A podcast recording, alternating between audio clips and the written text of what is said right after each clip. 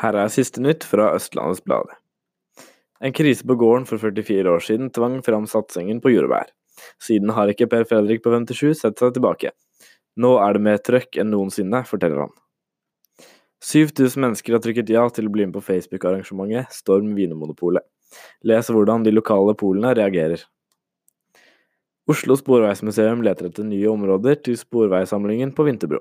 Vi er optimistiske når det kommer til flyttingen, forteller styreleder Per Stensrud. Terskelen for å anmelde politiet er ikke nødvendigvis veldig høy om man kommer i trøbbel med lovens lange armer.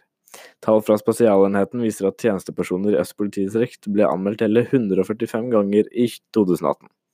Fungerende politimester Mona Helsenberg syns, syns det er viktig at terskelen for å anmelde politiet er lav. Svipp-gjengen fra Ås og Vestby har fått fart på de elektriske sparkesyklene i Oslo. Hvis det, eh, hvis det går som de tror og håper, vil de elektriske sparkesyklene snart bli en del av bybildet, også i Ski. På torsdag var det tid for sommerfest for de eldre på Solborg bo- og aktivitetssenter. Blant annet ble det servert champagne, Mozell og jordbær til beboerne i Ski. Siste nytt fikk du av Peder Blumlein.